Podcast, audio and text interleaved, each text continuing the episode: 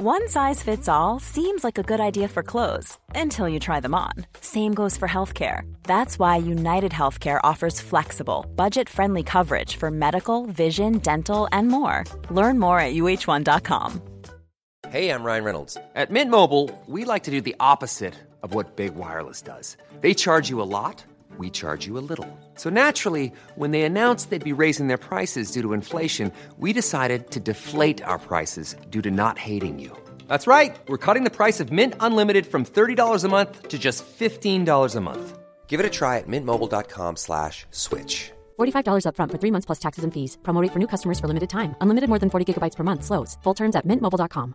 Hi, I'm Daniel, founder of Pretty Litter. Did you know cats tend to hide symptoms of sickness and pain? I learned this the hard way after losing my cat, Gingy. So I created Pretty Litter, a health monitoring litter that helps detect early signs of illness by changing colors, saving you money and potentially your cat's life. Pretty Litter is veterinarian developed, and it's the easiest way to keep tabs on your fur baby's health right at home. Go to prettylitter.com and use code ACAST for 20% off your first order and a free cat toy. Terms and conditions apply. See site for details. Vi är denna vecka sponsrade av Indie Beauty. Och Sofie, det här tycker jag är extra fint och extra roligt. Ja men Indie Beauty är ju ett skönhetsvarumärke som jag tror att väldigt många känner till, men det jag älskar mest det är att Indie Beauty liksom vill vara mer än bara produkter, vilket de ju också är. Exakt. Indie Beauty står ju för Independent Beauty, skönhet på dina villkor och för din egen skull. Och Indie Beauty tror ju stenhårt på ett alternativt skönhetsideal fritt från måsten, skam och känslor av otillräcklighet. Där är jag helt med Indie Beauty. Jag med. Det är så jag vill att skönhet ska vara. Ja men verkligen. Och vet du vad som är nytt för i år Sofie? Berätta. Från och med i år så skänker Indie Beauty 1% av sin försäljning till Suicide Zero, Tjejzonen och Djurens Rätt. Så när man handlar produkter från Indie Beauty så kan man liksom känna att man också ger tillbaka till samhället. Ja, kraften i tillsammans. Ska jag säga en sak nu då, mm. som jag, det, men det är detta jag är extra glad över. Nu har Indie Beauty tagit fram en keps och den tycker jag ändå så på sommaren, skydda sig från solen. Jättebra, jag älskar kepsen. Men det bästa, de bidrar till Suicide Zeros viktiga arbete för att minska antalet självmord och självmordsförsök. Så för varje såld keps så går hela vinsten, 100 kronor, direkt till Suicide Zero. Då kan man liksom göra nytta både för samhället och sin hud på en och samma gång. Ja, och kepsen kostar 169 men alltså hela vinsten går då som sagt till Suicide Zero. Mm. Så om man vill göra skillnad när man är där ute i solen, nu när den börjar titta fram, då ska man välja den här kepsen. Den säljs exklusivt på indiebeauty.se och på Apotea. Tillsammans kan vi skapa en ljusare framtid. Vi ses med kepsarna på! Tack Indie Beauty! Vi är sponsrade av Mindler och som ni säkert vet sedan tidigare så är vi ju ute på psykologresan tillsammans. Men hur vet man egentligen när det är dags att söka hjälp? Ibland uppstår saker i livet som kommer utmana oss och kännas tufft. Det mesta självläker vi oss igenom, för vi är menade att ta oss igenom en viss mängd påfrestningar. Men ibland behöver man professionell hjälp för att ta sig ur jobbiga perioder i livet. Men vart går då gränsen? Vad är en del av livets skavighet och när är det läge att söka hjälp? Det sägs till exempel att stress är farligt, men att det också kan vara bra. Alla sover dåligt ibland, så när har man egentligen sömnproblem? Ångesten kommer väl krypande för de flesta någon gång. Så när ska man se ångesten som outhärdlig? Hur vet jag? Med oss som psykolog har vi såklart min gamla psykolog Linnea Seidbrant. Men Linnea, vad är egentligen utmattningssyndrom? Utmattningssyndrom är en konsekvens av svår och långvarig stress utan möjlighet till återhämtning. Mm. Vi är ju då skapta för att klara av stress, men vi behöver också återhämtning. Om du utsätts för för mycket stress under en lång period utan att du får till den nödvändiga återhämtningen så kommer kroppen till slut att säga ifrån. Och det är faktiskt så att alla har en gräns. Du kan drabbas av en rad fysiska eller psykiska besvär som trötthet, sömnproblem, hjärtklappning, besvär från magen och tarmarna och mycket annat. Och det här är ju då varningssignaler och tecken på att du kan behöva göra någonting åt din situation. Annars så kan besvären utvecklas till att du mår så dåligt på sikt att du blir psykiskt och fysiskt utmattad. Ladda ner Mindler till din telefon och läs mer på mindler.se. Det är måndag! Ja det är det sannerligen. Och här Jag kommer... älskar måndagar! Numera, med tanke på att det kommer ett nytt avsnitt av Ångestpodden. Ja men inte varje måndag utan varje dag. Nej, men det här är ju som ett extra avsnitt kan man säga. Ja, ett eh, superextrainsatt med anledning av den helt otroliga dokumentärserien på SVT Play Priset vi betalar av Frida Söderlund. Journalisten som har gjort Alltså den här dokumentärserien, gjord på dokument inifrån av Frida, alltså jag vet inte ens vad jag ska säga. Den är så välgjord, den är så välproducerad, jag blev förälskad i journalistik när jag såg den. Ja, men också förfärad, får typ ångest av att kolla på det, men också skönt ju att det lyfts till ytan på något sätt. Alltså, Ja för, för priset vi betalar, det kommer ni att höra, men den handlar alltså om plastikoperationer och hur influencers marknadsför dessa plastikoperationer i samarbete med skönhetskliniker i Turkiet. mm. Men vad är egentligen sanningen bakom de här operationerna, bakom den här liksom vackra polerade bilden som vi ser i våra flöden? Eh, det ska vi prata om och eh, Frida, eh, får man ju säga minst sagt, ta reda på det. Ja verkligen. Och hela dokumentärserien finns ju ute nu att se på SVT Play. Tredje delen släpptes ju idag måndag när vi släpper det här avsnittet också, så alla delar finns nu att se på SVT Play. Frågan är hur unga influencers blev reklampelare för sponsrade skönhetsoperationer. Vi rullar intervjun med Frida Söderlund. Varsågoda! Hej Frida och välkommen till Ångestpodden! Hej och tack! Nej, men jag är så peppad på det här att det är liksom, jag studsar. Men jag känner mig också ärad. Ja. För att jag har ju följt er i så många år och ni vet att jag är liksom ett fan av ert arbete, jag tycker att ni är otroliga. Så det här känns liksom Detsamma. både, alltså ett, på tiden, Mm. men också äh, alltså som en ära. Mm. Fan vad fint. Och detsamma. Ja, Vi är fan av dig på ett sätt. Ja. Men du ska få berätta, för de som inte vet, vem är du? Jag är en journalist i grunden. Det är så klassiskt att man börjar med sitt yrke. Men eh, det är ju det man definierar sig själv som eh, på många sätt. Men jag är, jag är journalist då i grunden. Jag började på Aftonbladet när jag var 20. Jobbade där i åtta och ett halvt år och sen sa jag upp mig. Och sen har jag levt eh, loppan med att göra en dokumentärserie då för SVT och skriva böcker.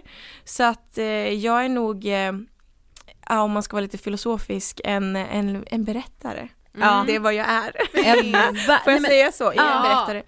Ja men det är du ju. Eh, och, och du är ju, alltså snart är du ju liksom aktuell författare för din egen Ja, bok. jag vet. Mm. Ja, det känns helt sjukt Ja. faktiskt. Det är det största som har hänt mig. Mm. Jag säga. Vad tänker du på när du hör ordet ångest? Jag tänker i första hand på en, eh, ja, men psykisk eller mental smärta på något sätt. Och den är såklart individuell för alla. Och när jag tänker på min egen ångest så tänker jag på anden i flaskan. Va?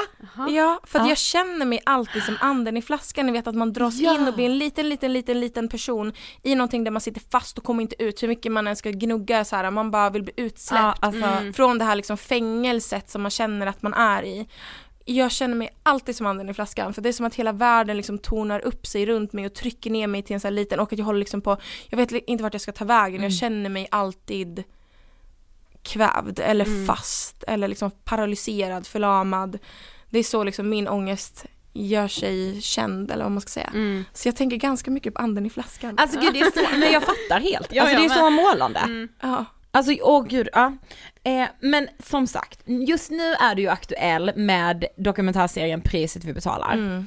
Och jag tror att många som lyssnar har sett den eller känner Ja, till den. Ja, nej, men jag tror verkligen det, för det känns ju som att alla snackar om den. Ja. Men om man inte har sett den, alltså vad handlade det om? Det är en dokumentärserie som handlar om influencers och deras sponsrade skönhetssamarbeten med kliniker framförallt i Turkiet. Så att vi försöker berätta historien å ena sidan om ja, men sanningen bakom de här sponsrade skönhetssamarbetena men också faktiskt priset människor betalar för att vara i en värld där utseendet är ditt kapital. Mm. Jag tycker också att namnet är så jävla bra. Mm. Oh, tack. Alltså för det säger så mycket om, om hela det här som vi ska prata om nu. Uh. Men så här också, det har jag funderat på, vad var det som fick dig att, alltså varför ville du göra just den här dokumentären?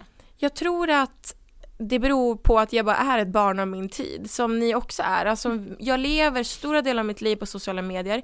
Jag påverkas jättemycket av vad som händer där. Jag påverkas också jättemycket av vad jag själv utger mig för att vara på ja. sociala medier. Eller vad jag själv publicerar eller hur jag själv framställer mig. Och ni vet den här känslan av att tappa bort sig själv helt i, i värderingen av sig själv bara för att man pushar en bild utåt och sådär. Och jag hade redan börjat tänka ganska mycket på det och tänka ganska mycket på så här, vad gör det med oss att leva i den här tiden? Jag kunde liksom inte släppa den tanken. Och sen fick jag lite tid att sitta på min kammare där hösten 2020 och var lite så här, såg bara de här liksom posterna där kroppen var mer och mer av ett content, alla postade sin kropp hela tiden utåt och det ska man få göra, det är inte det jag säger men jag märkte att jag såg det så otroligt mycket. Och jag såg hur man gjorde liksom inlägg och content på att man gick och gjorde fillers eller man sprutade in botox i pannan eller det var något så litet som en ansiktsbehandling. Det var så mycket så här, hej, polera och renovera dig själv precis mm. som jag. Mm. Och den liksom fula armen i det, höll jag på att säga, eller den långa armen i det var när jag såg de här som jag hade sett i flera år egentligen, de här samarbetena med kliniker i Turkiet där det var så här, ni får 20% rabatt om ni åker ner och gör en Brazilian buttlift precis som jag. Och hur liksom bra det där såg ut och hur glada alla var och det var pooler och det var lyxhus och jag var så här, gud, va? Vänta, alltså hur blev det så här? Exakt. Hur blev unga människor reklampelare för plastikkirurgi? Jag var så här, hur blev deras kroppar det?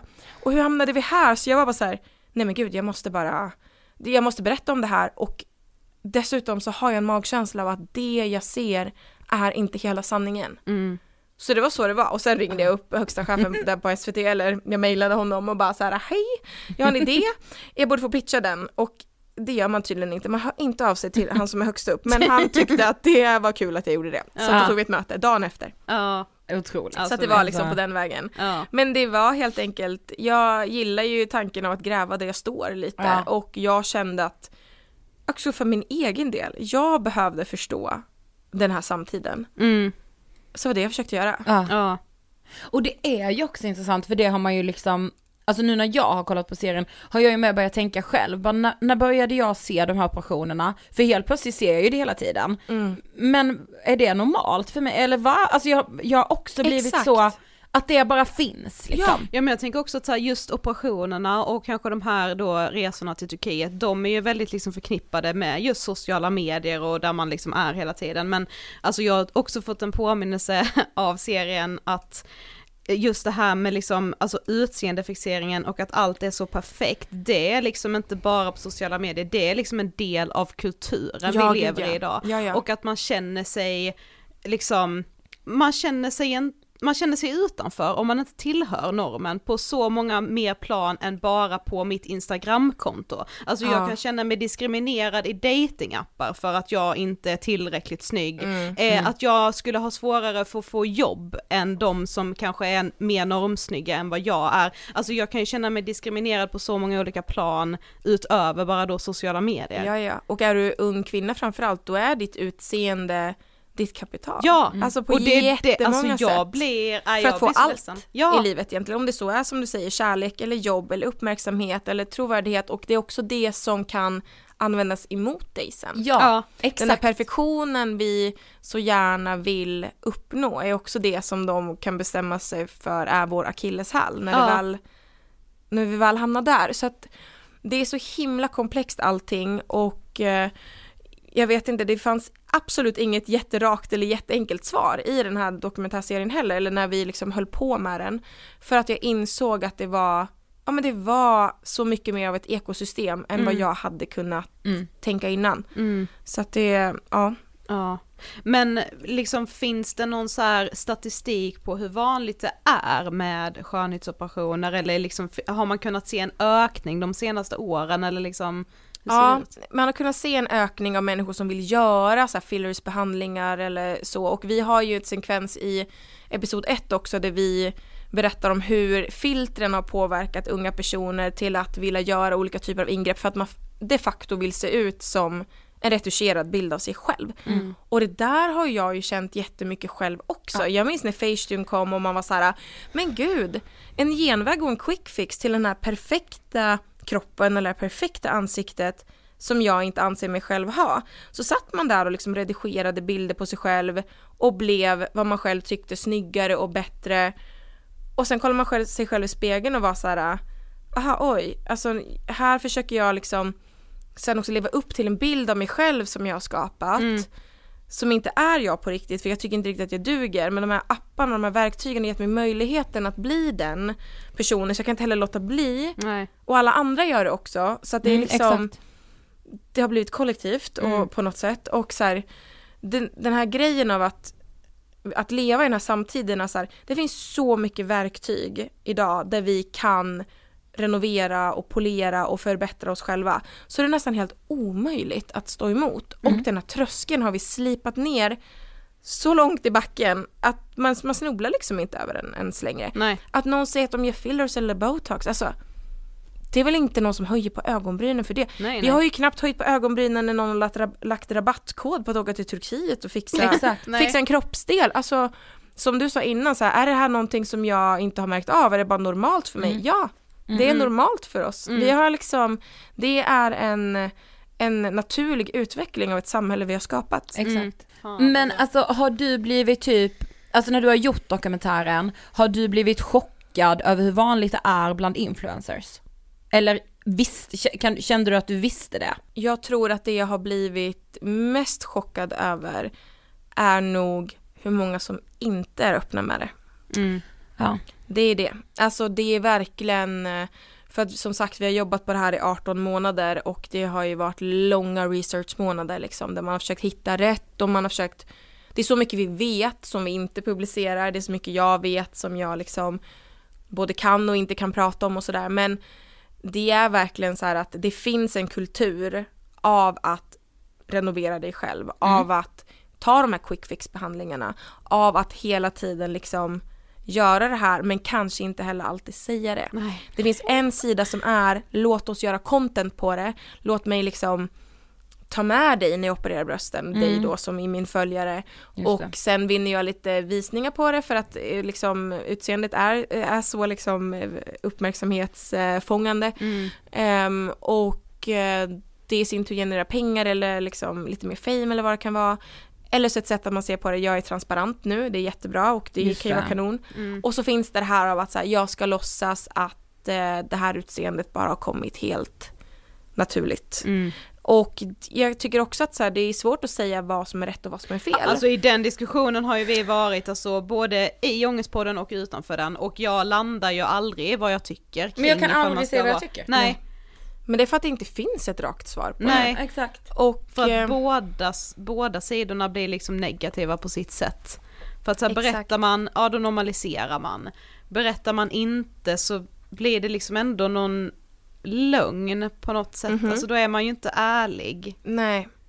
Och jag tror att det som är problemet också är att oavsett vilken typ av influencer du är så är hela din existens, eller vad man ska säga, som influencer går ju ut på att påverka människor på olika sätt. Och eftersom de här apparna på många sätt handlar om yta i början, eller till liksom för, det första som händer är att du ser någons flöde eller du ser någons thumbnail eller vad det än är så kommer du, du kommer aldrig komma undan att ditt utseende på ett eller annat sätt påverkar den som tittar.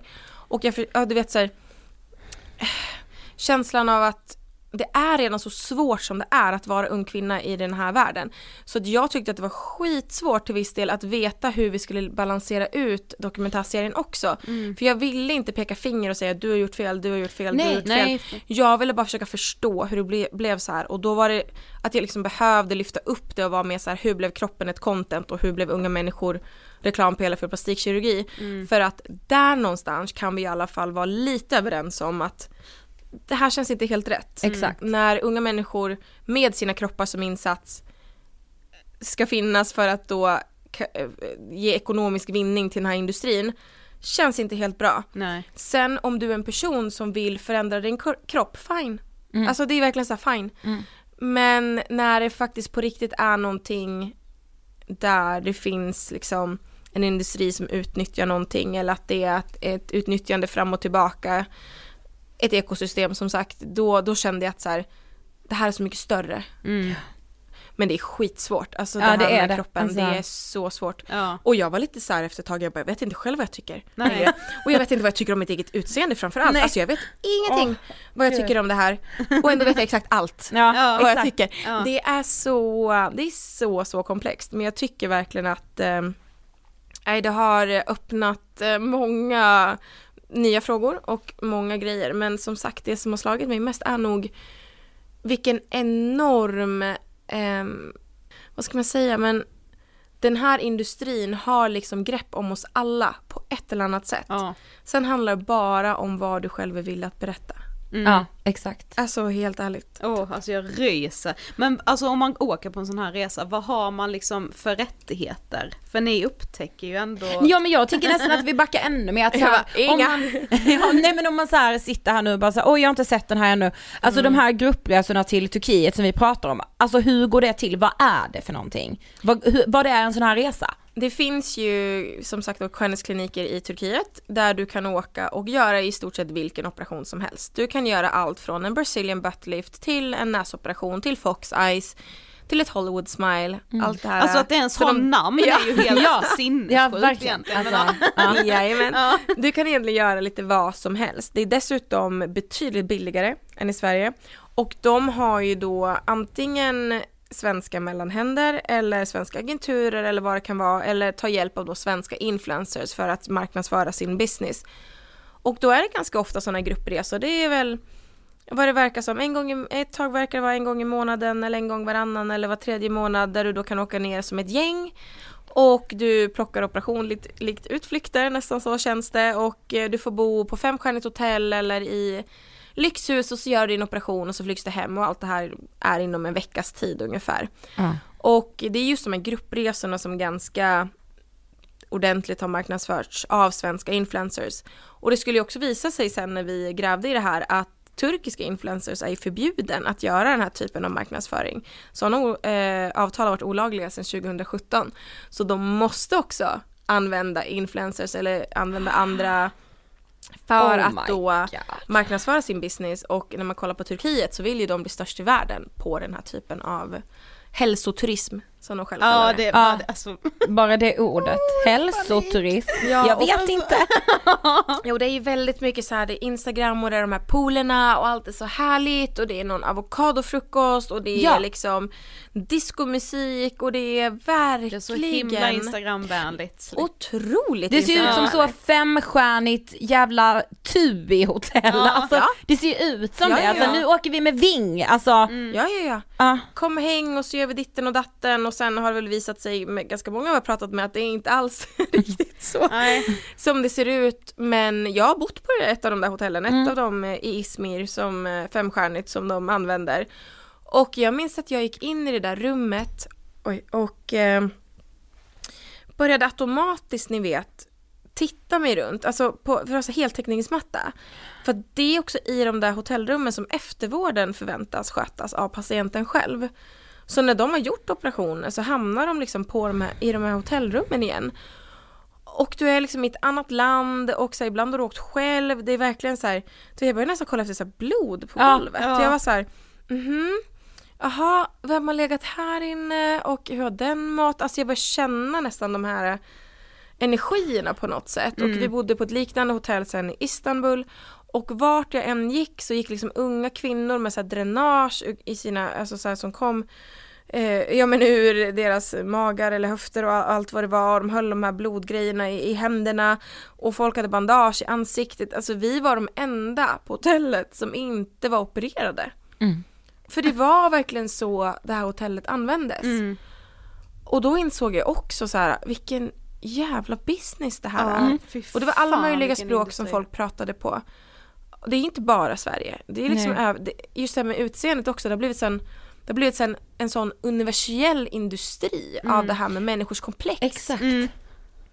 Och det, Ja, det- blir ju bara mer och mer komplext, det är ju det som är så jävla obehagligt Ja. på något sätt. Att jag kan ju hitta, jag kan ju få nya komplex Alltså för det har jag varit i väldigt mycket så här, ja men dels när jag kollar på serien men också när vi har pratat om det här tidigare Mm. i podden att så här, jag fyller liksom 30 om några månader, om två månader och jag har nog aldrig känt mig så påverkad av sociala medier och hittat Okej. nya komplex med min kropp. Eller typ så här som att jag borde ha komplex för saker. Alltså ibland kan jag Ja. genuint känna så här: nej alltså jag är skitnöjd med min kropp men Men man får sam- inte säga det riktigt, Nej, så känns det ibland. och samhället påminner ju mig hela tiden om att jag inte borde vara Nej nöjd. exakt. För så här, går jag exakt. in i vilken jävla eh, klädesbutik som helst så ser jag liksom en, en XS som hänger där Mhm. som seriöst ser ut att tillhöra barnavdelningen Mm. och bara så här, det här kan inte stämma, är jag på en damavdelning nu? Alltså allting är ju en ständig påminnelse om att jag inte borde vara nöjd.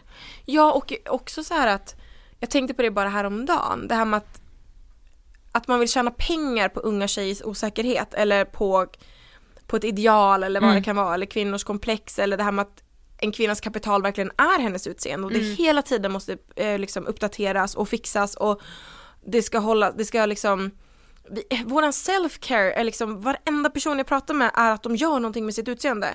Self-care, jag har gått och och spenderat 2500 kronor på massa ansiktsbehandlingar nu och eyeliner.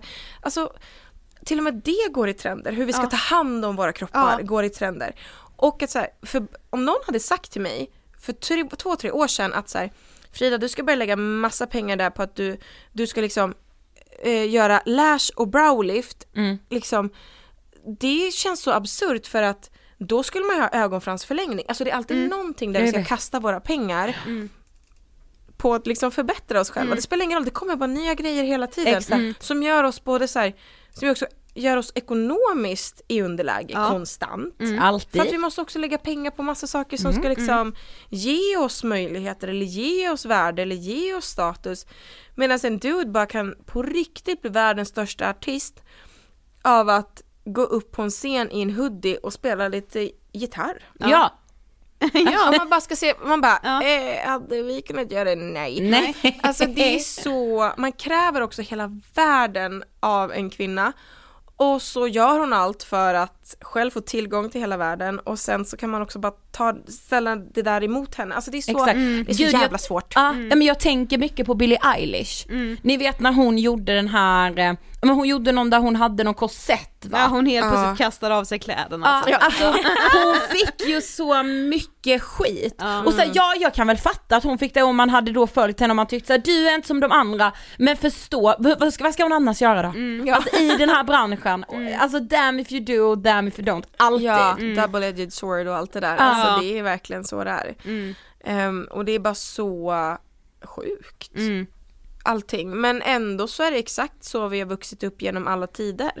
Ja, Så det är verkligen, men men det blir ju mer extremt. mer och mer extremt och sociala medier har verkligen gjort att både industrin och idealen går ju som på speed. Ja, alltså det är som precis. att vi har injicerat det med I don't know what, men alltså någonting. För att om du bara kollar också på dagens skönhetsideal.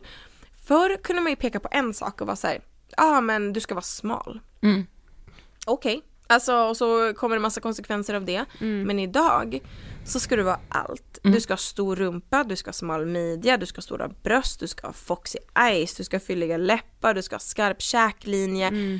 Du ska också ha fylliga, vad heter de här, kindben. Ja. Alltså du ska ha så mycket Polerad allt. hy, fint Ja. hår, alltså. Det är biologiskt helt omöjligt. Ja. Alltså, vi, idag vill vi att kvinnan ska gå emot sin biologi totalt. Ja, ja.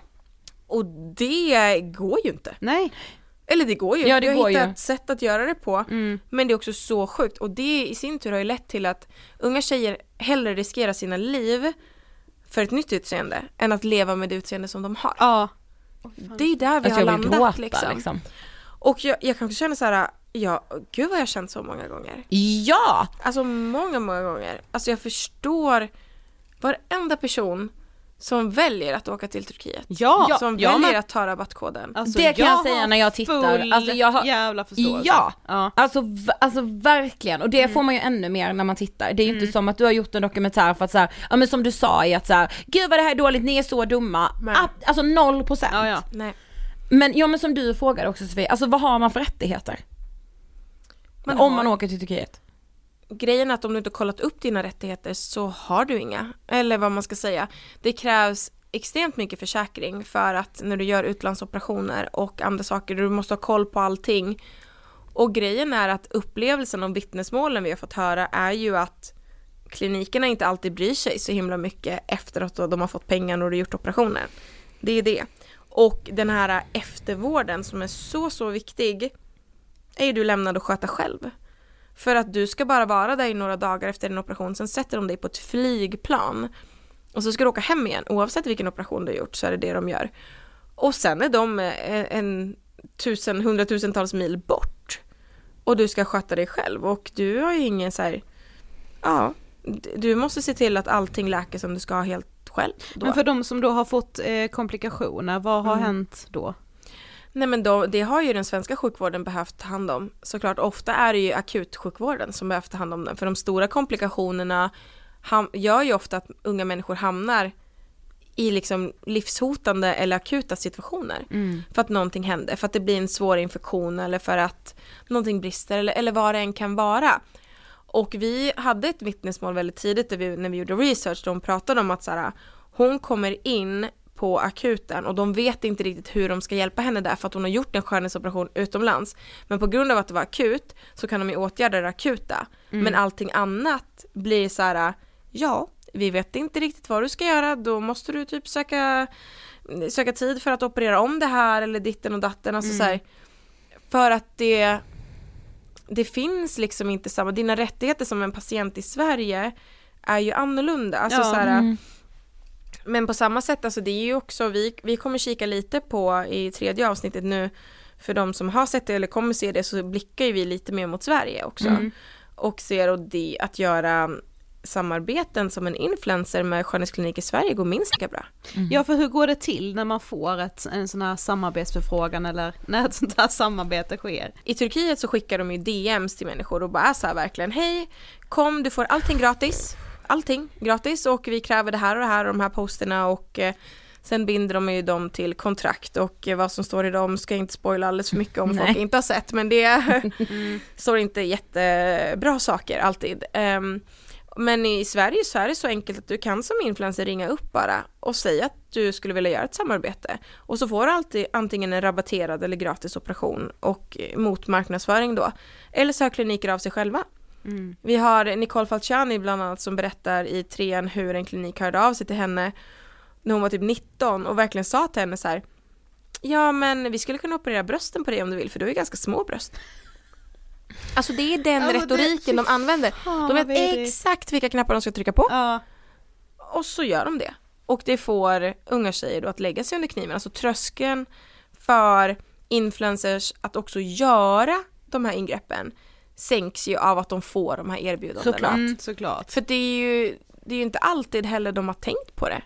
Men så kommer ett erbjudande och de mm. blir så här, ja men gud, mm. jag kanske ska ha lite större bröst eller jag kanske kan fixa mina tänder. Eller så, eller så träffar de dem precis i ett sårbart läge, lite som det var för Jasse. Mm. Och Jasse har alltid använt operationer som en sån coping mekanism när mm. saker har varit svårt och hon hon kan inte säga varför hon vill vara perfekt men det är en liksom drivkraft i henne att ha funnits där att så här, om jag bara är perfekt då kanske fler personer tycker om mig mm. eller då kanske mindre människor hatar på mig eller vad det kan vara. Och när då kliniken i Turkiet hörde av sig till henne och var lite så här du får göra vad du vill. Då tog hon ju det. Mm. Bara sådär. Och den här känslan av att det blir gratis. Mm. Vi har så svårt att hålla oss borta från saker som är gratis. Mm. Du ja. får det här, varsågod. Och så gör man det bara. Mm. Precis och så tänker man ju, alltså så, jag tänker om jag skulle få den frågan att så här, gud men då får jag ju de där brösten säger vi som jag alltid har drömt om, ja. jag behöver inte betala någonting, jag ska bara ge ut en rabatt, alltså så här, mm. jag förstår, alltså det är klart man bara ja, tack, mm. ja. nu, alltså. För det som är så otroligt komplext och det vi försöker ta fram med den här serien och som vissa har varit typ vi har fått mestadels positivt om den här serien, mestadels, mestadels.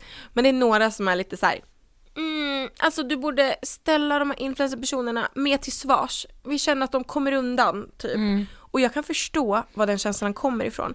Men det jag verkligen försökte berätta och det som blir så otroligt komplext i den här serien är att ja, de har ett ansvar. De, de är makthavare på väldigt, väldigt många sätt. De har också ett företag på två ben och de tjänar pengar på de som följer dem. 100% jag är helt med där. Men när de här klinikerna kontaktar dem eller när de får de här möjligheterna eller erbjudandena så är det ju inte influensen egentligen som tackar ja till det här. Det är den unga personen med Exakt. komplex Ja. som säger ja. Jag behöver det här, jag måste göra det här, jag liksom så. Sen kan influensen absolut vinna på det. Men det är ju den här liksom människan i oss alla som, som känner så här, ja, jag måste bli bättre, bli snyggare, bli attraktivare, jag måste bli av med mitt komplex.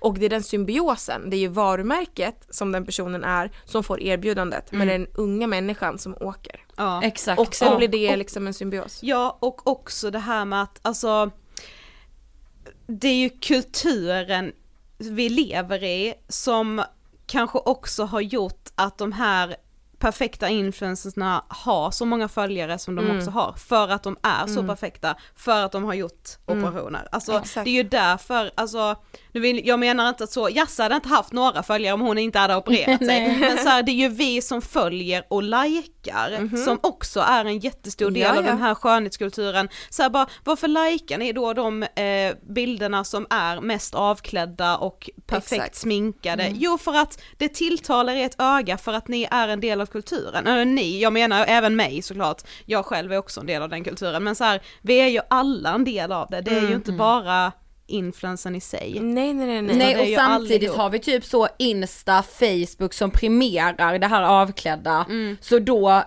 återigen då en influencer, företag på två ben, nej men jag måste göra det här för att jag, algoritmen måste gilla mitt content. För Exakt. då tjänar jag pengar. Alltså Mm. Ja. allt är liksom men och gud, alltså tänk att få så ett DM. Mm. Alltså förstår ni? Det är liksom så ett jävla DM om att varsågod, du har en livsfarlig operation här framför dig som kommer ge dig en stor rumpa. Mm.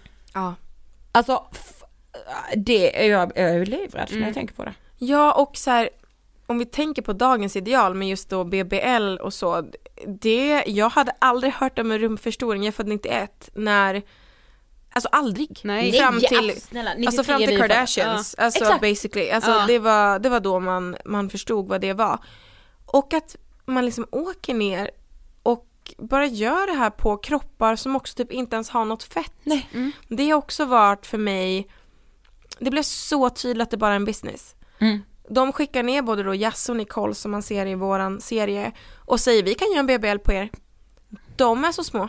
Alltså de är så små människor och de väljer ändå att utföra det här ingreppet på dem även om de då som medicinska människor höll jag på att säga men som kunniga i yrket borde ju ganska snabbt fatta att så här, något resultat kommer det inte bli Imagine the softest sheets you've ever felt. Now imagine them getting even softer over time. That's what you'll feel with Bowl and Branch's organic cotton sheets. In a recent customer survey, 96% replied that Bowl and Branch sheets get softer with every wash. Start getting your best night's sleep in these sheets that get softer and softer for years to come. Try their sheets with a 30-night guarantee. Plus, get 15% off your first order at bowlandbranch.com. Code BUTTERY. Exclusions apply. See site for details. This Mother's Day, celebrate the extraordinary women in your life with a heartfelt gift from Blue Nile. Whether it's for your mom, a mother figure, or yourself as a mom, find that perfect piece to express your love and appreciation. Explore Blue Nile's exquisite pearls and mesmerizing gemstones that she's sure to love. Enjoy fast shipping options like guaranteed free shipping and returns. Make this Mother's Day unforgettable with a piece from Blue Nile. Right now, get up to 50% off at BlueNile.com. That's BlueNile.com. Everyone knows therapy is great for solving problems, but getting therapy has its own problems too, like finding the right therapist, fitting into their schedule, and of course, the cost. Well, BetterHelp can solve those problems. It's totally online and built around your schedule. It's surprisingly affordable too. Connect with a credentialed therapist by phone, video, or online chat, all from the comfort of your home. Visit betterhelp.com to learn more and save 10% on your first month. That's BetterHelp H E L P. det. Nej. Men vi får marknadsföring. Så låt oss söva den här personen, lägga henne på operationsbordet, göra operationen. Och sen i Nicoles fall photoshoppa hennes bilder Ja, eller det vad det ju kan vara. Ja. Så här. Och det är så sjukt, det är bara business. Mm. Kroppen har blivit business på det här sättet. Och det, alltså för mig är det så ja, häpnadsväckande och jag får så ont i magen och eh, jag förstår varför, jag förstår inte hur vår konversation inte riktigt hamnat där. Nej. Hur liksom den här normaliseringen har blivit så normal och vardaglig att vi knappt liksom men den har ju inte blivit ifrågasatt alls Nej, typ. jag minns liksom, jag har jobbat på Aftonbladet som sagt och jag minns att det enda jag hittade på när jag sökte på de här grejerna det var ju att ja men någon som berättade att de hade råkat lite, lite illa ut på de här operationsborden och sen Aftonbladet som skrev om Pau och var lite såhär dumma Pau, hon får kritik från följarna igen för att hon har åkt och opererat sig Mm. men det handlade mest om hennes utseende bara. Ja. Det handlade inte om att hon hade åkt till Turkiet eller det handlade inte om hennes rabattkoder eller vad det var utan konversationen handlade om att människor tyckte att hon såg galen ut. Ja just det. Mm. Och Återigen bara fokus på kvinnans Återigen. utseende liksom. Återigen. Och jag var så här, hur hamnade diskussionen här? Ja. Mm.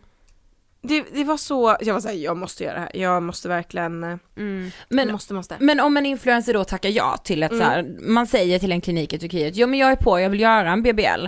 Mm. Vad förväntas då av influencern? Vad ska den, de ge kliniken? Väldigt mycket marknadsföring Mm. är vad de ska ge. Och eh, jag har förstått att avtalen skiljer sig lite åt beroende på influencer. Men eh, det ska postas alltså inför operation, under operation, efter operation, i månader efter operation. Ehm, de här klinikerna får också tillgång till för och efterbilder och allt content for life. Alltså det finns inget stopp i den marknadsföringen överhuvudtaget. Och ehm, ja som sagt då, ledsen för spoiler, men de signar också bort sin rätt att prata om de här operationerna i ett negativt ehm, syfte. Mm. Vilket betyder att oavsett resultat så är du bunden att prata positivt om kliniken i ett års tid. Det, och det är ju det som har blivit fel här för flera influencers, att de har ju gått ut och verkligen varit så här.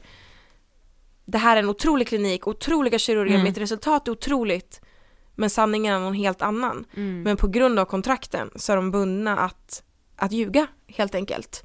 Och ehm, det, det står ju i de här kontrakten att de riskerar höga böter om de bryter mot det. Och du är ung och de, någon har precis varit och skurit i din kropp. Det är klart som fan att du, det enda du gör är att lägga locket på. Mm. Det är inte konstigt. Och det är liksom, den, när den här sanningen upprätthålls också så har den här industrin bara kunnat fortsätta Ja. på exakt samma sätt. För ingen vill heller känna sig som den idiot jag förstår att man känner sig Nej, som. precis. När man sitter där sen Varför men kunde jag vara så dum? Alltså, Ja. var, varför har jag inte läst no mer noggrant? Eller varför sa jag ens ja? Det är väl Exakt. självklart att jag inte kommer få resultat av det här men varför har jag varit så naiv i detta? Mm. Alltså, Exakt. ja, ja, ja. det blir liksom skuld på skuld på skuld på skuld Ja. och man känner sig dum på dum på dum på dum. Alltså det är en jättesvår situation Mm.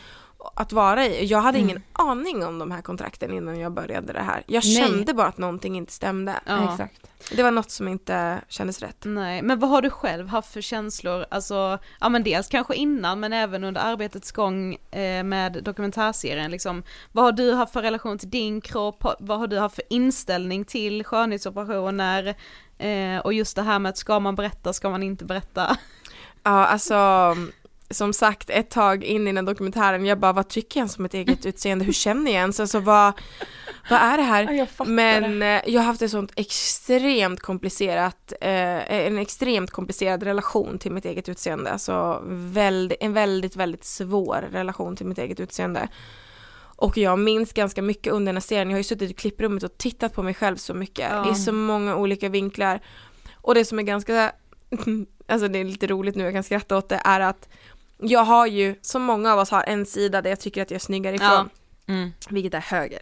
Jag vill bara fotas, filmas, whatsoever från höger. Mm. Jag tror hela dokumentären är filmad från vänster. Alltså, jag skojar inte. Allt är filmat från vänster. Och när jag insåg det, och jag minns paniken som steg i mig och jag minns också hur sårbart det kändes ett tag att jag liksom skulle också referera lite till mig själv för att jag skämdes lite över att jag har känt mig så, att jag hatat mitt eget utseende så, så mycket genom alla år och att jag visste inte ett tag så här, vill jag prata om det, vill jag inte prata om det så, men nu gör jag ju det i dokumentären och, ehm, och sådär, men jag minns ju att det jag tyckte var jobbigast var ju hela tiden, hur kommer jag se ut i Mm. den? Det var ändå mitt fokus, jag bara okej jag vet att jag kan vara ganska smart men hur kommer jag se ut? Alltså det var och i de stunderna när jag varit som tröttast, eller jag, då har ju det liksom stegrats och Mm. min, min liksom generella, jag har ju en, jag utreddes för BDD för några år sedan vilket är både dysmorphic disorder Mm. och de insåg att jag hade delar av den, tydligen kan man ha det, Mm. där jag har en, extre, alltså hade en extrem eh, jag hade en, liksom, en extrem ångest gentemot mitt eget utseende, så jag hade liksom ångestbiten, så jag gick i Mm. terapi och allt vad det var, det gick åt helvete men ja, I did. Ehm, så att utseendet är alltid det som jag alltid ehm, får ångest av eller liksom som driver min ångest på, Ja. på ett eller annat sätt. Det är det som liksom tänder eld på den. Ehm, och det är dit, får jag ångest så är det mot utseendet jag riktar den. Mm. Oavsett om det kommer från någonting helt annat. Ja. Så Det var, det har varit KBT och den jobbigaste situationen på länge att ta sig igenom den här dokumentärserien. Men ehm, det var säkert jätteviktigt också. Mm. Ja, alltså på för, något sätt. alltså jag, alltså det inslaget i, är det avsnitt två, när du liksom pratar om det, alltså jag relaterar så mycket Mm. och det är jag ju övertygad om att alla tjejer gör som Mm, sitter mm. där och tittar. Jag tänker, För, eller ja men det är så starkt bara att du gör det, jag tror Ja. det var jätteviktigt. Mm. Nej men jag har, går ju med runt med känslan, och jag tror inte jag är ensam om det här, och det kanske är mycket filtrernas fel, det tror jag, eller att man också så har tagit mycket selfies och kunnat liksom hitta just, men jag har också en sida som jag vill bli fotad Ja. från, Eh, en sida, jag lutar alltid mitt huvud lite åt höger Ja, när jag ska ja, ta en ja, selfie med liksom, skulle aldrig ta en selfie på det hållet, men eh, att jag också då går runt med en känsla, alltså i det här verkliga livet, att jag liksom, jag känner mig som en vandrande catfish. Alltså Ja, så här, ja, ja, jag ja. vet, alltså i min, i min värld vet jag att så här, jag ser inte ut som jag gör på mina bilder. Nej. Och att alla ska bli besvikna när de ser mig i verkligheten, bara så här, aha, det, aha. Ja, relatera. Är det sam- alltså Ja, min värsta mardröm är ju att jag så skulle möta upp någon som man har matchat med på Tinder och så ska man se att så, han känner jävla inte igen mig. Hallå, hallå är jag! Nej, Det- exakt! och det, ja, alltså ja, den precis. känslan, det, och Ja, det ja. är verkligen Ja. min ångest också. Att, så Ja. det är därför jag så, nej men jag, jag vågar inte ragga och jag kan, alltså jag vågar knappt gå på dejter för att jag är helt övertygad om att så här, nej men alla kommer bli besvikna på Ja. mitt utseende. Det spelar Mhm. ingen roll hur härlig jag är heller för jag, alla kommer ju redan känna att jag har lurat dem. Ja. För att jag ser inte ut som jag gör på mina bilder. Exakt. Alltså, Nej men jag förstår, jag är helt Ja, ja, med dig. mm, Och det var där mitt, tror jag, jag har nog säkert alltid haft en känsla, eller jag vet att jag alltid haft en känsla av att jag aldrig har tyckt om mitt eget utseende. Att jag har alltid känt mig fel på något sätt. Det är något med mig som har kunnat vara finare eller Ja. bättre eller så. Men det var ju den här samtiden som fuckade mig fullständigt. Mm. Alltså när jag började på Aftonbladet där när jag var 20 och sen när jag var 22 så fick jag följare på Instagram liksom. Mm. Och då började man ju promota sig själv ännu mer, eller man började liksom vara den här karaktären på sociala medier. Och så hade jag helt plötsligt tre bilder av mig själv ute för världen. Den jag såg i spegeln, den jag såg på Instagram och den som Aftonbladet publicerade utåt. Ja. Som var med i Aftonbladet TV eller vad Ja, det nu var. Mm. Jag visste inte vilken som var på riktigt. Jag blev helt förstörd och knäckt av det här att försöka förstå hur jag såg ut. Ja. Jag hade ingen aning till slut och jag visste inte vilken bild jag tyckte om och jag visste inte vilken bild människor runt tyckte om. Alltså Mm. vad, vem ville folk att jag skulle vara av Mm. alla de här personerna?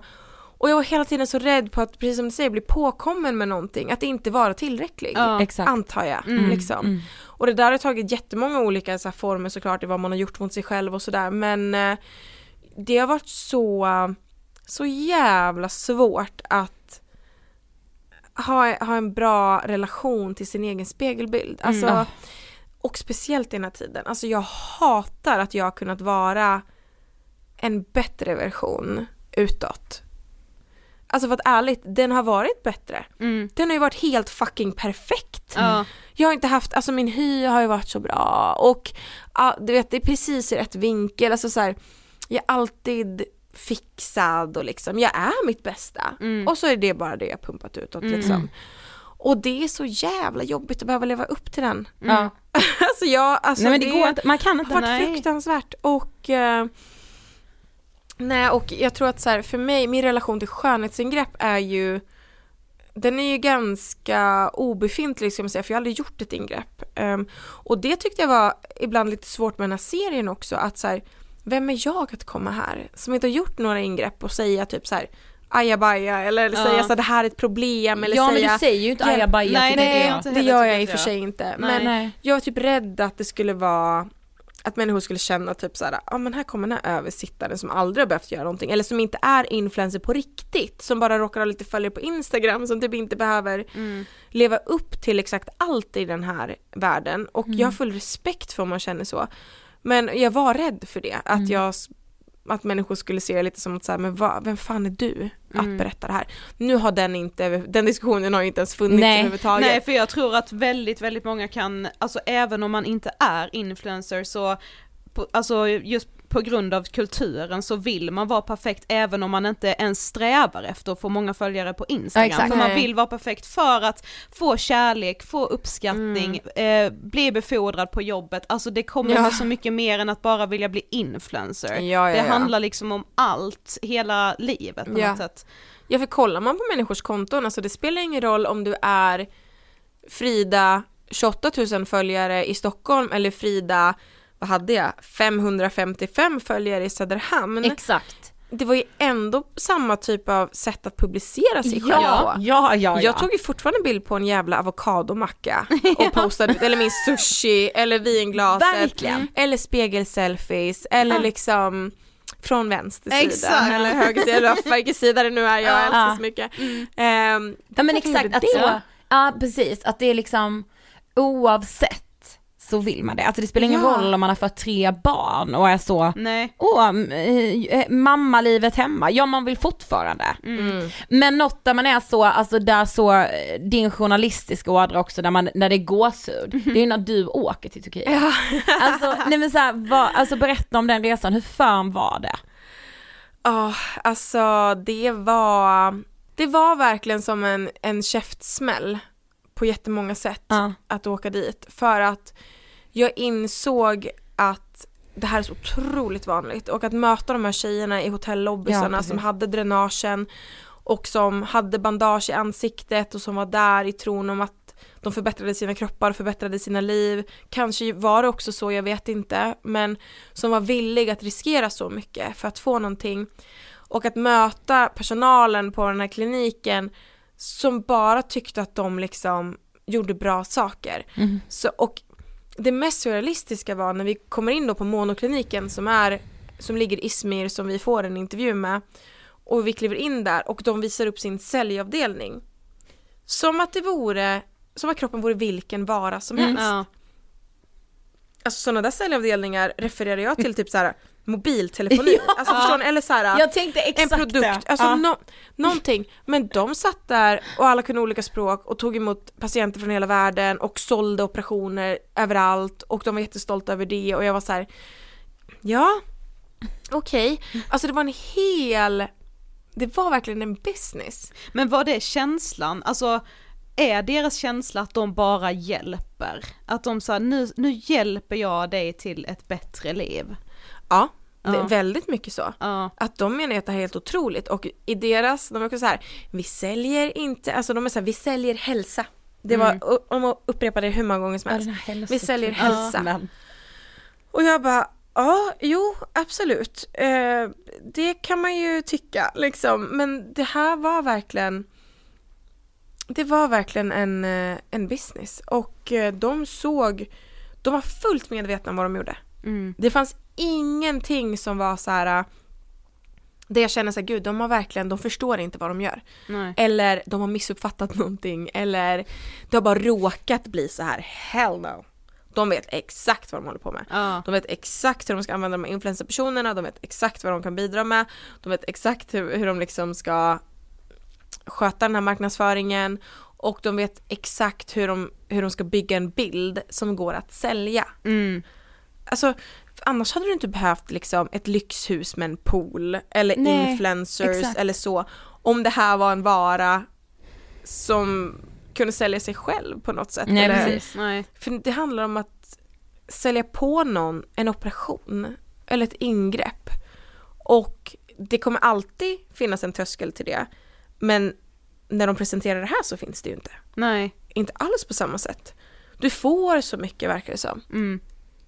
Ja men jag tyckte det var sjukt när ni, alltså när, när ni filmar liksom den så kallade säljavdelningen då. Mhm. För det, alltså exakt som du sa, jag tänkte så här, det här ser ut som ett stort telebolag som säljer abonnemang. Ja, ja, ja. Exakt. Alltså, eller så nu ringer någon och ska sälja elavtal, nej vi ska sälja en Brazilian buttlift. eh, ja, men sen säljer de in det på samma sätt. Du vill inte göra någonting annat när du ändå är här? Du, Åh, för Köp 400... tre betala för två! Ja, ja, ja, ja. Nej, vi, vi går ju, vi wallraffar ju och ringer ju en av de här svenska agenturerna som Mm. säljer operationsresor till Turkiet och låtsas att Hanna, 24 tror jag att hon är i samtalet, vill göra en fettsugning. Och det eskalerar ju fort till att okej, vad vill du göra? Eh, Jaha, du sa mage, eh, inre lår, hur är det med kärlekshandtagen, nedre rygg, vill ha hakan också? Det man inte ser i det här programmet är ju att han också, att till slut kommer de typ mer eller mindre överens om att hon ska fettsuga hakan också. Då kan de kasta in det för 200 euro extra. Det är liksom så de det är precis som vilken produkt som helst. Och sen i konsultation med kirurgen så har hon ju plötsligt fått en mindre BBL också i paketpriset. Alltså det är, det, kroppen behandlas precis som att det vore ett telefonabonnemang. Vill du ha lite extra av det? Vill du ha lite mer så? Let's go! Vi har liksom, Alltså, det är bara att ja. köra. Det kostar det bara 200 euro Ja. till. Eller så, och det som man får se i dagens avsnitt är ju att han då, den här försäljaren, som han är, men han är också då eh, grundare av den här agenturen, han säger det, men vadå, vi har, vi har räknat ut att det blir lönsamt om vi säljer varje nytt område för 400 euro. Så lite mer ditten och datten, Alltså! man bara såhär, ja, okej. Han jämför ju också det med att så här, att eh, vara pizzabagare. Ja. Så Alltså, alltså man, ja. det var, det var faktiskt ganska det var en eh, minst sagt intressant koppling han gjorde där när Mm. han menade på att när vi ringde då och var så säker på den här fettsugningen så han har lärt sig att läsa av människor och är man så säker då som Hanna, 24, Mm. då Nelly Kronstrand som ringde eh, var, då, då frågar man, man frågar inte en person som går in på en pizzeria om de vill äta tonfisk eller kebab. Man vet bara så här, hon är hungrig, hon vill Mm. Alltså. Det är så Och det är den- magstarkt, alltså det är så magstarkt att det liksom, det liknar fan ingenting. Nej. och det är den attityden som också har gjort att den här industrin har blivit en maskin. Mm. Och att Ja men att utseendeförändringar har alltid funnits, att en kvinnas kapital är utseendet, det vet vi sedan innan och att man gillar att sälja kvinnors kroppar på olika sätt, Exakt. Mm. det vet vi också.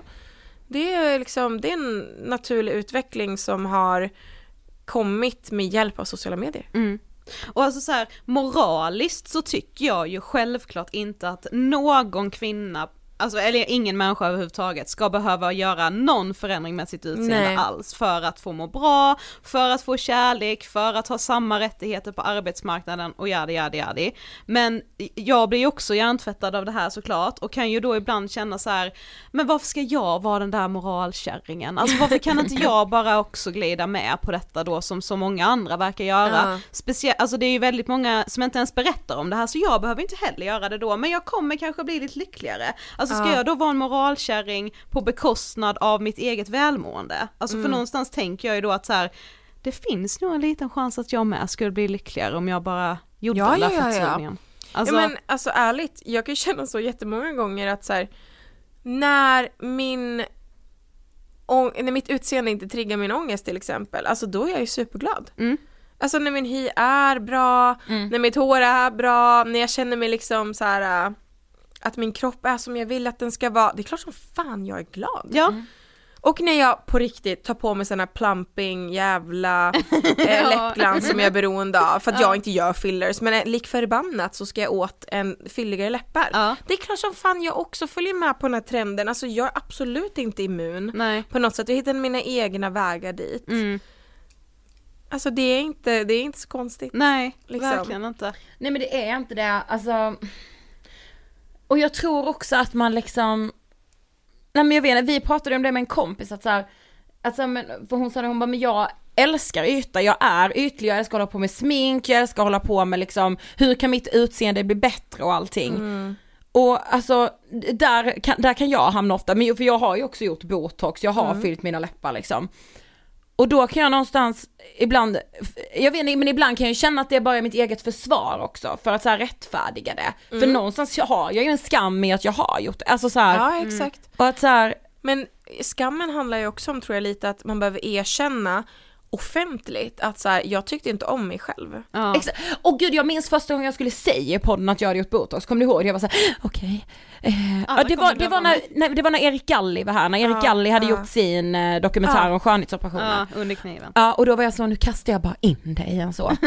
och, sen, och för jag tänkte att folk skulle, jag bara folk kommer hata mig, folk kommer se på mig som en så, jag kan inte ens ha ångest på dem jag känner och sen bara så här. Så kan jag ju inte heller tänka någonstans. Nej. Alltså, jag kan ju inte skämmas.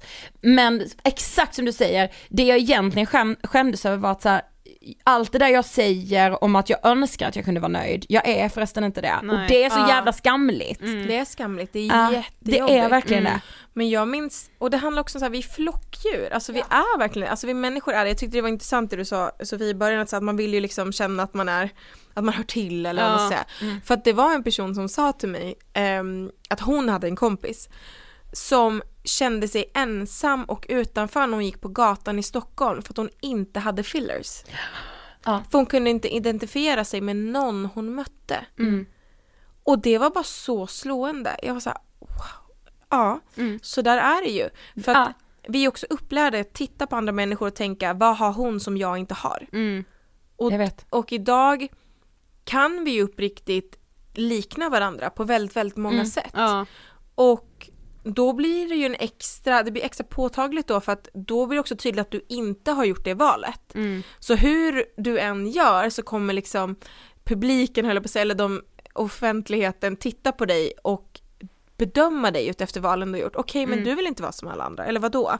Eller typ såhär, aha du har också gjort det. Eller såhär, aha du tycker inte om ditt eget utseende. Alltså, Exakt.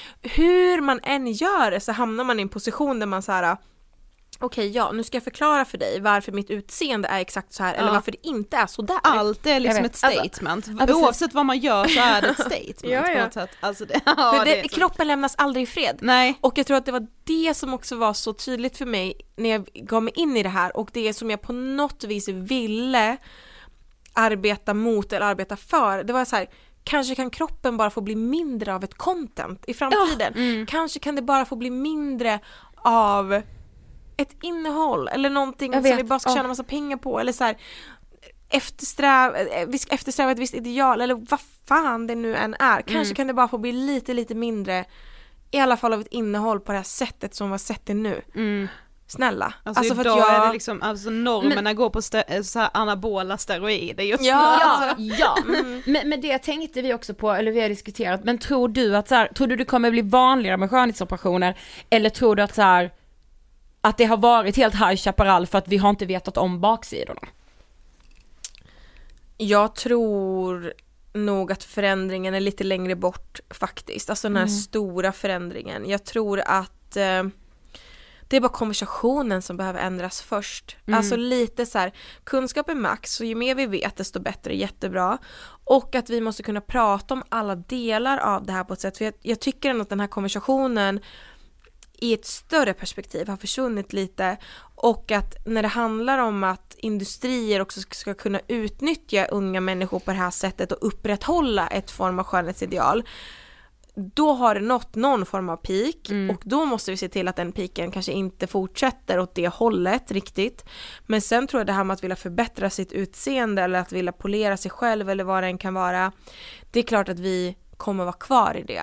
Tyvärr, alltså det tror jag verkligen.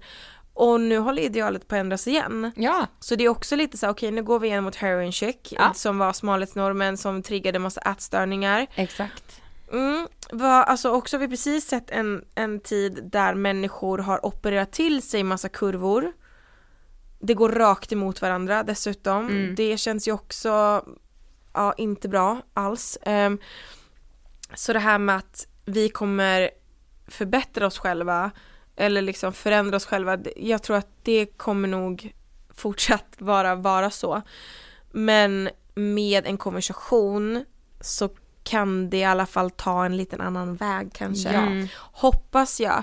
Ehm, som sagt, jag är inte emot skönhetsingrepp. Det, det kan jag faktiskt inte säga att jag är. För att jag förstår utseendets vikt för mycket för det och jag förstår den här äh, ångesten alldeles för mycket för det, eller att man vill förändra sig själv.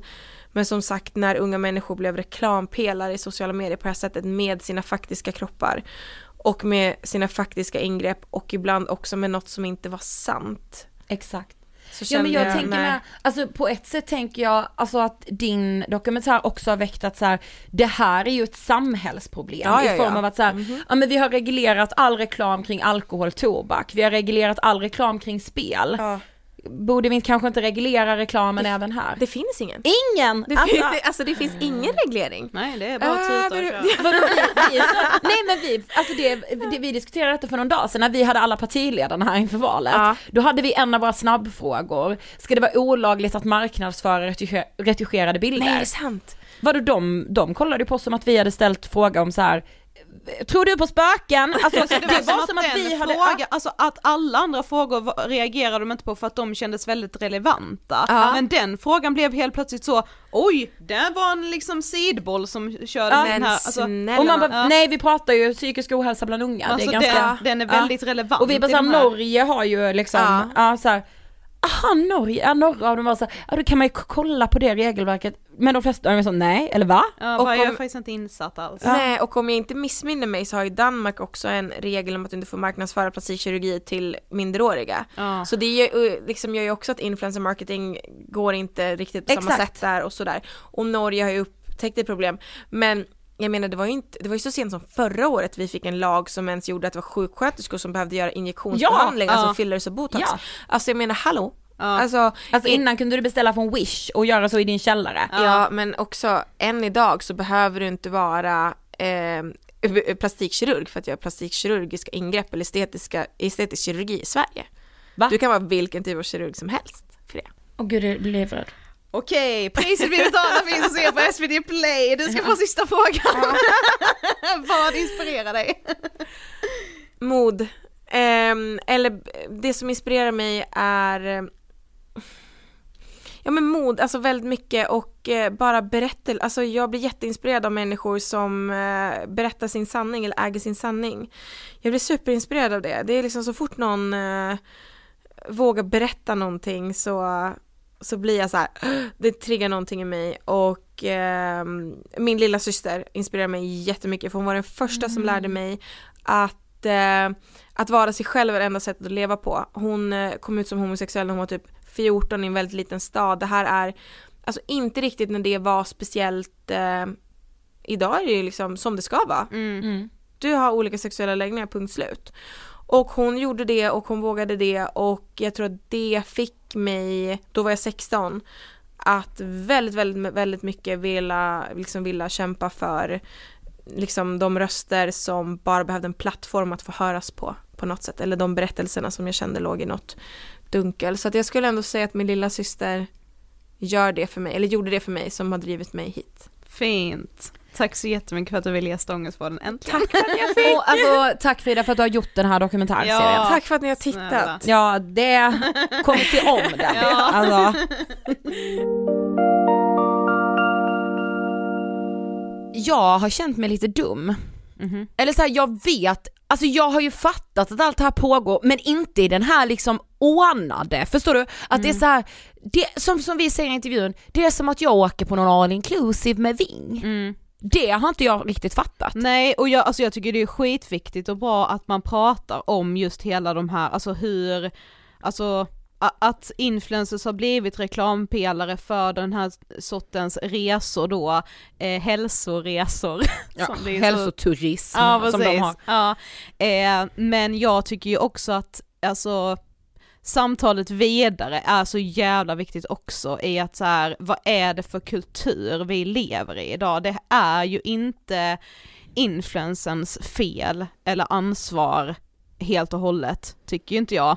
Eh, Absolut inte, alltså det är klart att man aldrig kan ta bort så här det egna ansvaret, så absolut inte ska jag väl inte säga. Alla har vi ett eget ansvar, men det är så fint det Frida säger i intervjun är att så här, den som får frågan, det är influensen och varumärket, men den som tackar ja och åker ner till Turkiet, det är flickan, tjejen, kvinnan Mm. som lever under liksom en extrema skönhetsideal. Ja och så här, det är lätt tror jag att fastna i att eh, så här, lite fördumma influencers och också fördumma kanske framförallt unga tjejer för att man tror att de vill göra de här skönhetsoperationerna och lägga sig i narkos under kniven för att också bli stora på Instagram mm. eller stora på TikTok, alltså att själva kunna bli influencers. Men det handlar om så mycket mer. Det handlar om att inte bli, som vi säger, diskriminerad på datingmarknaden, på arbetsmarknaden, alltså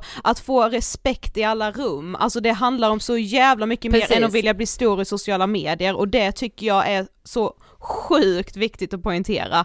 Ja, och det handlar liksom, det, det som, och vi är ju inne på det med Frida med, men, men jag eh, vet liksom inte, alltså jag vill vråla och skrika när jag vet att det krävs av en kvinna för att hon ska bli attraktiv, för att hon ska bli sedd på. Men det är exakt samma sak att hon gör det som sen hålls emot henne. Mm, precis. Eh, och jag vet liksom inte, vi kommer diskutera vidare det här och jag vet att vi också, du och jag har ju pratat mycket om det privat men vi måste ta in det i podden att så här, det här är också en klassfråga. Mm, det är det verkligen. De allra rikaste influencersen åker inte ner till Turkiet och opererar sig.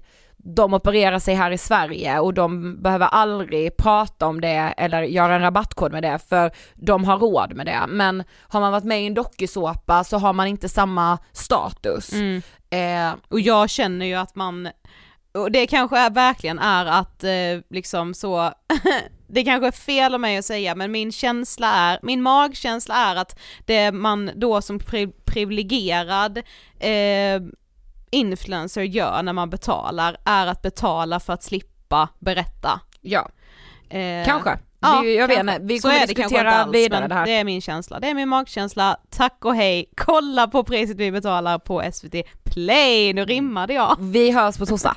och på lördag är det julafton. Nej men Fan vad sjukt. Ah, ja ja. Hejdå! Puss hej!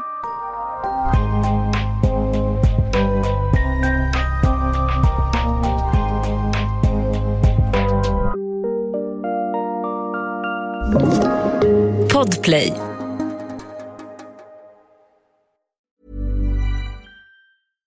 Hi, I'm Daniel, founder of Pretty Litter. Cats and cat owners deserve better than any old fashioned litter. That's why I teamed up with scientists and veterinarians to create Pretty Litter. Its innovative crystal formula has superior odor control and weighs up to 80% less than clay litter.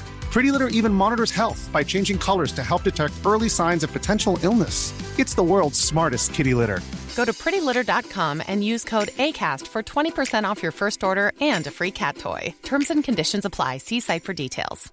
Mom deserves the best, and there's no better place to shop for Mother's Day than Whole Foods Market. They're your destination for unbeatable savings, from premium gifts to show-stopping flowers and irresistible desserts. Start by saving 33% with Prime on all body care and candles. Then get a 15-stem bunch of tulips for just $9.99 each with Prime. Round out Mom's menu with festive rosé, irresistible berry chantilly cake, and more special treats. Come celebrate Mother's Day at Whole Foods Market.